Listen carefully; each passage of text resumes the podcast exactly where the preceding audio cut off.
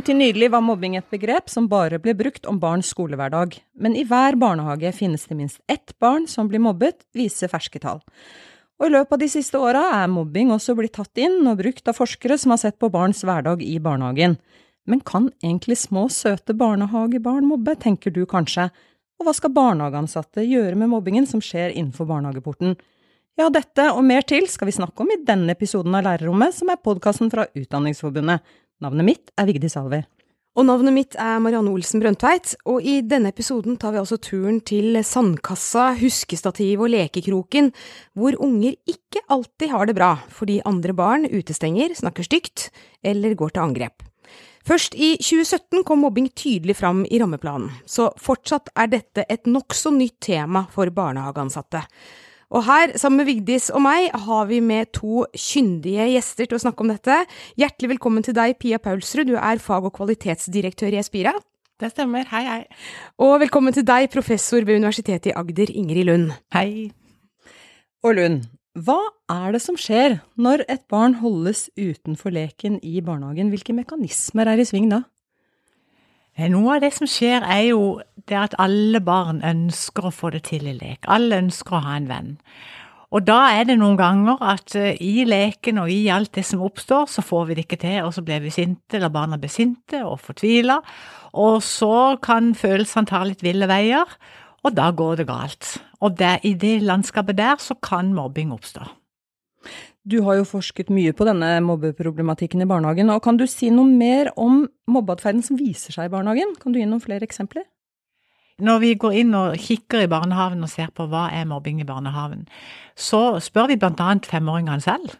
Og de sier det veldig tydelig, og det er det også vi ser, det er at de barna som ikke har noen å leke med, de barna som blir holdt utenfor i leken, de barna som går og surrer mye for seg selv, de barna som ikke blir invitert inn, de barna som lager mye uro og bråk rundt seg, som ingen har lyst til å leke med. Det er sånne tegn som vi kan se på, som, der de voksne bør ha noen sånne små røde mobbelamper som stiger opp og sier oi sann, så her må vi ha et ekstra blikk. Mm. Hvor, hvis, kan, hvis, du kan si noe mer om det, hvor oppstår dette som oftest? Er det i rollelek, er det andre situasjoner hvor dette oppstår oftest? Ja, noe av det vi vet, det er at der det er fravær av voksne, f.eks. i utesituasjonene. Så når voksne ikke er påkobla, når voksne ikke er oppmerksom til stede, for de kan godt stå der med kroppen sin, men det går an å være til stede med kroppen sin uten å være oppmerksomt nærværende hva som skjer i forhold til og mellom barna. Og da ser vi at i uteleken, og også inne der voksne er ikke til stede, der er det de fleste mobbesituasjoner oppstår. Men nå spør jeg kanskje veldig dumt, skal ikke egentlig voksne være veldig til stede i en barnehage? jo, de skal jo det, og det skal vi jo være, vi voksne sånn stort sett. Men så er det jo sånn noen ganger at det er utrolig forskjellig bevissthet fra barnehage til barnehage, og fra arbeidskultur, altså jobbekultur i barnehagen, til den voksnes rolle den voksnes bevissthet, og ikke minst hvordan de voksne hjelper hverandre og støtter hverandre til å minne hverandre på at oi sann, nå for eksempel mobilen må vekk, nå må vi koble oss på, nå har vi prata for lenge om helga, nå skjer det noe der borte i venstre hjørne av ute, uteplassen, så nå må vi koble oss på. Og de barnehagene der de er gode til å ha en høy bevissthet på dette, der skjer det mindre mobbing. Denne mobbeatferden som du beskrev mm. i barnehagen, mm. Er, det, er, det, noe som er likt, eller som skiller den fra mobbing som skjer på skolen? Det største skillet mellom mobbing i barnehagen og mobbing i skolen er jo det at i barnehagen så er det leken som er det sentrale.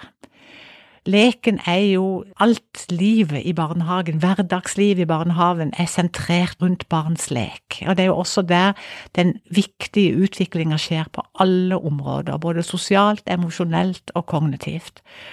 Og mobbeatferden, det er gjennom å observere og være bevisst på lek, lekeatferd, voksnes rolle i lek. Det er, det er der vi på en måte må ha fokuset når vi skal se etter dette fenomenet i barnehagen. I skolen så får vi jo blant annet sosiale medier inn på en helt annen måte.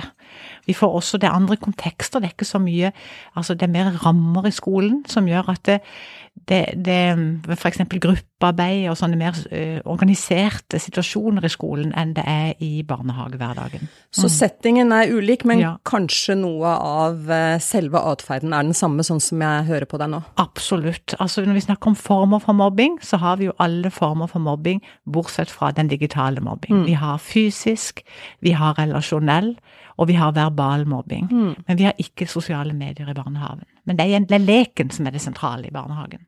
Pia Paulsrud, du følger også denne problematikken tett i din jobb. Eh, hva er dine egne erfaringer som også tidligere barnehagelærer, men også nå aktiv i barnehager, Respira, med mobbing blant små barn?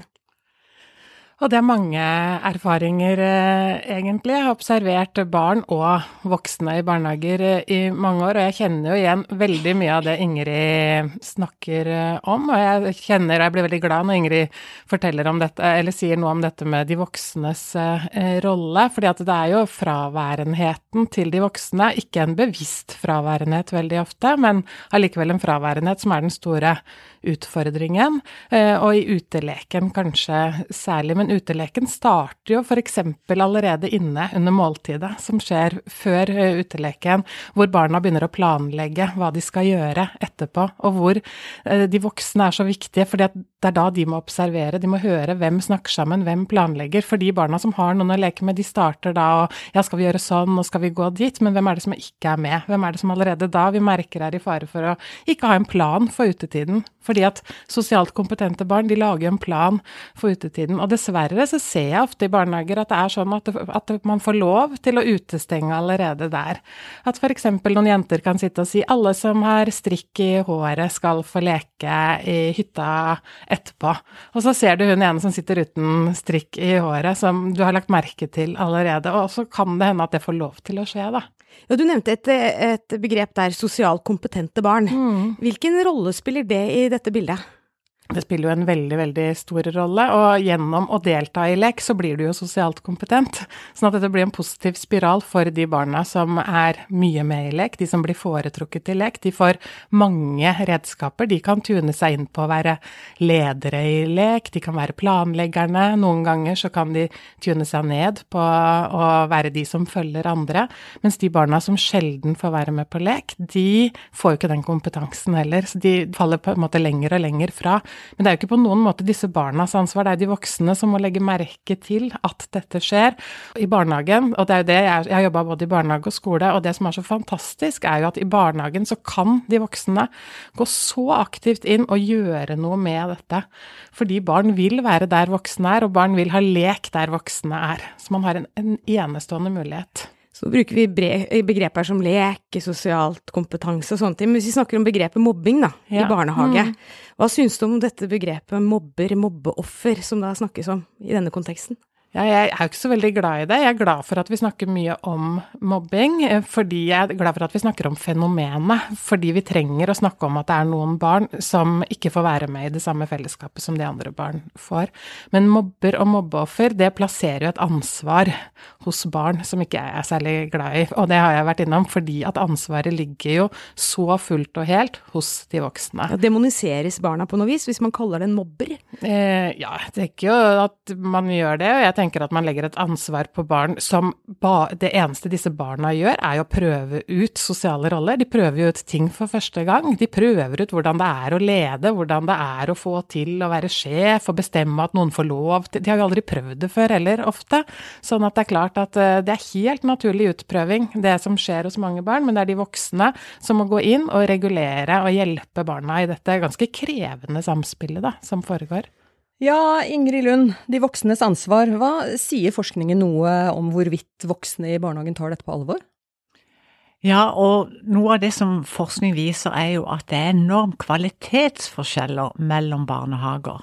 Og når vi måler kvalitet, så måler vi jo det på ulikt vis. Men der er det jo blant annet i forhold til de voksnes måte å lede på i barnehagen. Og som, som du også sier så klokt, så, så, handler det jo om de voksnes ansvar, og da er de voksnes ledelse. Og de barnehagene der voksne er gode og tydelige og en god kombinasjon med varme, og klarer å lede både leken og både enkeltbarn og grupper, og ikke minst å skape fellesskap. eh, og er bevisst på den rollen du har som voksen. Det er du som skal legge til rette for fellesskap der barn skal få øvd seg. Og der de voksne klarer det, viser forskning at der er det mindre mobbing. Ja, Klar du- sammenheng. Ja, for du har jo beskrevet i arbeidet ditt betydningen av nettopp disse voksne som varme og tydelige i mobbearbeidet. Og hva, hva, kan du si noe litt mer om hva det ligger i det? Ja, det ligger i det at barn trenger å bli ledet av voksne. For det at barn trenger å forstå denne verden, og da må de voksne hjelpe dem til å forstå denne verden. Og når, da, når du skal inn i leken, som er akkurat som du sier, så er det dette her med å inn og prøve og feile, og så sier vi noe galt, og så trenger vi litt hjelp til å finne ut av hva skulle vi ha sagt. Vi lærer noen strategier på når vi blir lei oss og ikke får lov til å være med, hva gjør vi da? Og i alle disse prosessene så er barn fullstendig avhengig av de voksne. Og der de voksne da kobler seg vekk og av og gjør masse andre ting og tenker at de over- overlater seg selv og skal ha en såkalte frileken for lenge, for mye uten voksnes tilstedeværelse, ja da er det mye vanskeligere spesielt for de sårbare barna. For det å bli utsatt og utestengt av de andre gjør også at du blir sårbar. Og når du er sårbar, så trenger du ekstra at noen har et blikk på det.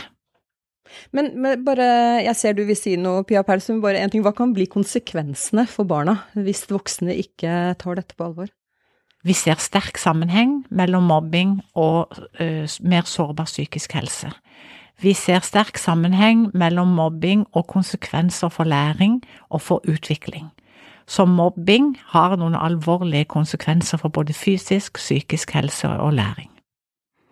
Ja, jeg hadde lyst til å si noe, fordi Mm. når du snakker om den voksnes rolle i frileken, så, så er det sånn at eh, jeg syns de siste årene, jeg jobba mange år med barnehage, at de voksne har blitt mye flinkere til å delta i lek, f.eks. utelek. Jeg ser mye mer voksne som deltar i lek, men det gjør igjen at voksne, og det er bra at voksne deltar i lek, for de ser mye når de deltar, men så gjør det igjen at eh, de blir veldig opptatt i akkurat den leken, så det er veldig mye lek som får lov å foregå uten voksne. Så jeg tror veldig på den avklaringen du sier, at nå skal jeg faktisk leke litt, at man avklarer det med en andre, sånn at da er det fint hvis du har observasjonsblikket, for det glemmer man litt, den helhetsobservasjonen som handler om noe mer enn bare å telle barn, for det er man også ganske flinke til, telle at alle er der, men er alle barn i lek? Jeg så, jeg var i en barnehage for ikke så lenge siden, hvor jeg eksempel sto ute og så en gutt som ikke var i samspill med noen andre på en veldig, veldig lang periode. Så spurte jeg de voksne etterpå, så dere han, eller hva?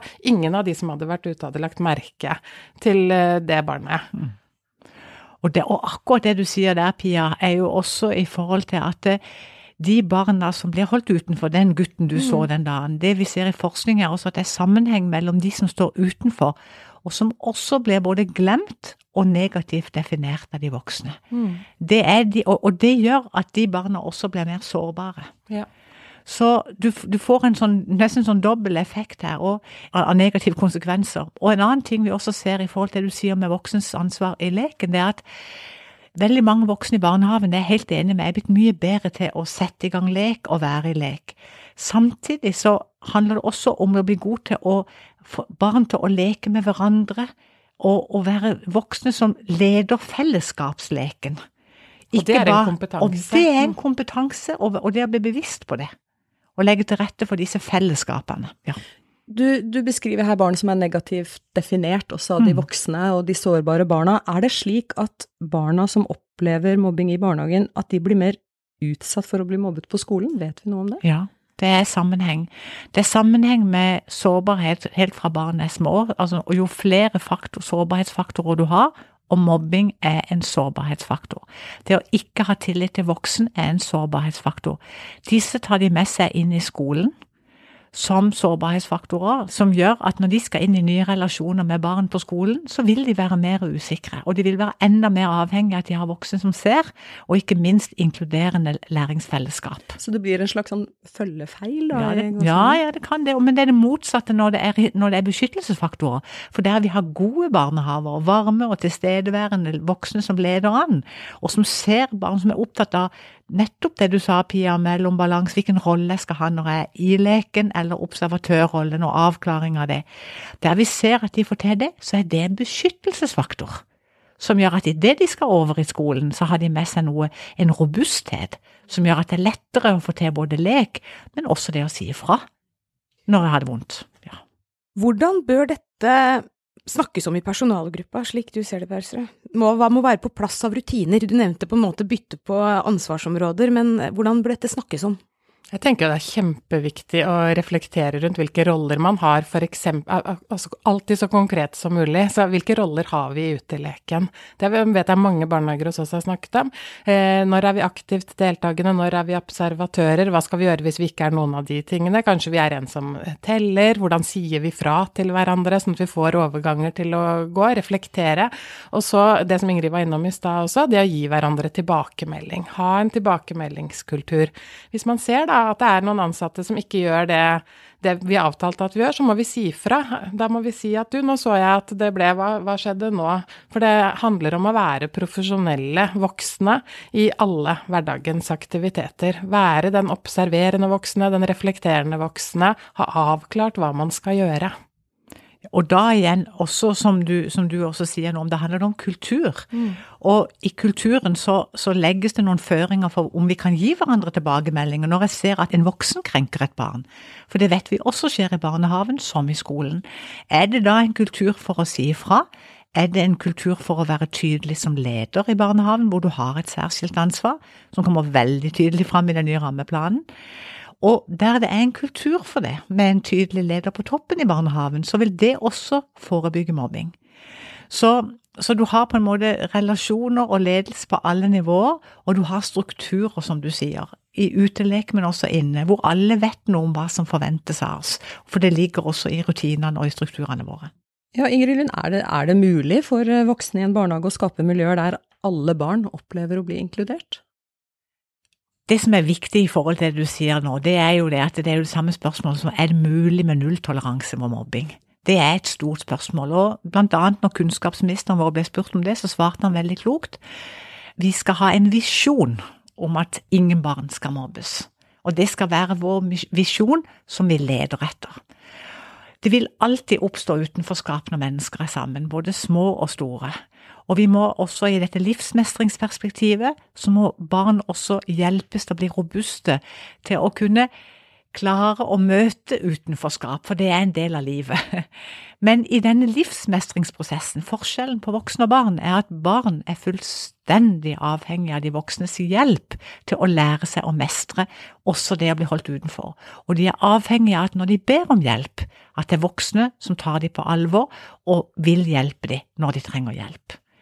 Hvis vi tar tak i det du nevner der, og så kan vi gå tilbake til eksempelet hvor du snakket med den gutten da som gikk alene. Mm. I omtalen av slike situasjoner så blir det ofte gutten det handler om da, om gutten som ikke kommer seg inn i leken. Altså ansvar blir nesten på gutten, mm. som ikke klarer å leke med de andre barna. Og det vil da også være snakk om kanskje ulike barnetyper, som det er plass til eller ikke plass til i et miljø. Hvordan skal en barnehage møte nettopp denne måten å hjelpe disse barna på? Nei, Det handler jo igjen om det samme, at de voksne, som jeg sier, da, de ansatte, de må bruke øynene sine, de må observere, de må snakke sammen om eh, det de har sett. Og så må de jo ha et repertoar, de må jo ha en verktøykasse. Da. De må ha noe, de, de, må vite hva de skal gjøre. Når de ser eh, at det er en gutt som går alene, og det kan være helt fint å gå alene en, en gang, men hvis det er et gjentagende mønster, så er det jo viktig at man har lagt merke til det, og at man har et repertoar på hva man kan sette i gang. F.eks. leke lekegrupper som fungerer så utrolig bra i barnehagen at voksne setter i gang. Og som Ingrid sier, ikke, voksne skal ikke være hovedpersonen, men at man setter i gang. Skal vi leke, legger til rette for, finne fram eh, noe materiale. Jeg har aldri opplevd at barn ikke vil være med på det. Og det enten det er ute i skogen, eller det er med utgangspunkt i en bok man har lest. Skal vi leke da Karsten og Petra begynte i barnehagen? Barna er med med én gang. Og du skal ikke så veldig langt opp i skolen, for jeg har jobba med de første, mm, første, årene i skolen også, før det ikke er så populært mer. Man mister veldig mye kraft etter hvert der, men i barnehagen så er den kraften så sterk. Eh, men mange vet ikke helt hvordan de skal gjøre det, og da havner man jo dessverre noen ganger i at å ja, ja, Petter sliter med å komme inn i samspill, eh, han Og så legger man kanskje det fram for foreldrene, som også er en viktig del av dette, uten å si noe om hvilke verktøy man har tenkt å bruke. for det er jo barnehagens ansvar å si noe om Og nå har vi tenkt å prøve ut lekegrupper på tvers, eller altså Man må ha et repertoar. Du nikker, Ingrid Lund. Ja, og jeg er så utrolig enig. Også, når, I det vi skal møte ulike barns atferd, så handler det også om noen holdninger, grunnleggende holdninger vi har til barn. Barn er forskjellige. Barn mm. kommer inn i barnehagen med ulikt temperament. De kommer inn i barnehagen allerede som ettåringer med ulike erfaringer. Men det vi vet, at uavhengig av alle disse faktorene, så er det sånn at når barnehagen også legger til rette for en sånn type en raus holdning og forståelse av barn, til at barn vil samarbeide, barn ønsker å få det til, noen trenger litt mer hjelp på forskjellige måter enn andre barn, og også lære de andre barna å være litt rause overfor hverandre, og at en har forskjellige følelser og følelsesuttrykk. Og Der syns jeg rammeplanen er så flott, som sier noe om at barn skal lære nettopp både å forstå egne og andres følelser. Og når mobbing skjer, så oppstår det masse følelser, og noen ganger tar de helt ville veier. Og så har vi foreldre og foresatte. Og hvordan skal man da involvere dem i eh, det som er, kan være mobbing i barnehagen? I problematikken, uten at det blir en stempling av enkeltbarn eller enkeltgrupper av barn? Ja, eh, jeg tenker foreldrene skal jo involveres, og de skal informeres. Det er en del av barnehagens oppdrag. Men foreldre skal ikke på noen måte overta ansvaret, sånn som man kan se noen ganger at man sier at man bare løfter fram at her har vi et problem, Petter har ingen å leke med. Foreldrene må jo bli presentert for hva er det barnehagen har tenkt å gjøre, og hva tenker foreldrene om dette? Er dette noe dere kjenner igjen hjemmefra? Har dere noen tips dere kan gi til oss? Vi skal selvsagt holde dere orientert hele veien, samtidig som dere må holde oss orientert. Det er den måten barnehagen skal øh, gjøre dette på, mener jeg, da. Mm. Mm. Og så er det sånn at når mobbing oppstår i en barnehage, så er det sånn at barn blir sårbare, men det gjør også foreldre. Det å være mamma eller pappa til en jente eller en gutt som står i en mobbesituasjon, det ganske, kan være ganske tøft.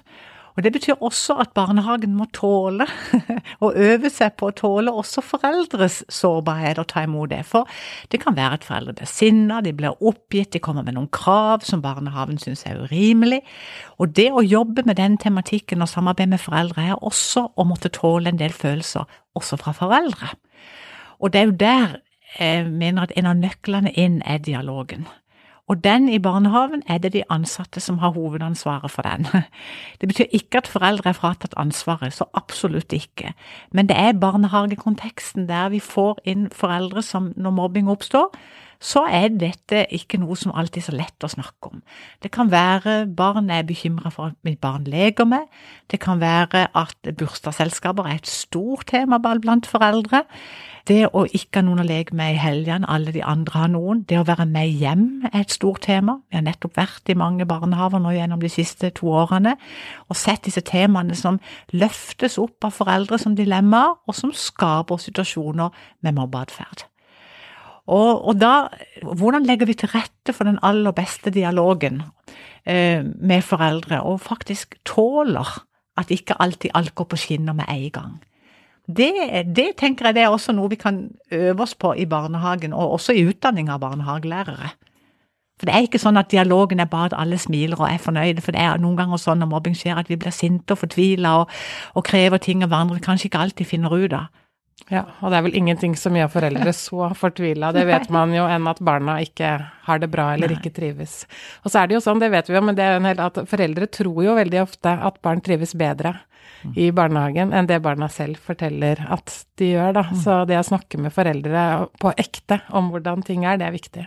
Så håper vi at disse rådene som dere har kommet med i dag, disse innspillene og profesjonaliteten som skal ligge i bånn, kan være med og bidra til at flere barn får det bra i barnehagen også. Med det så sier vi hjertelig takk til våre to gjester Ingrid Lund og Pia Paulsrud. Takk til dere som lyttet, og så vil vi minne om at du finner alle Lærerrommets episoder i din podkastkanal.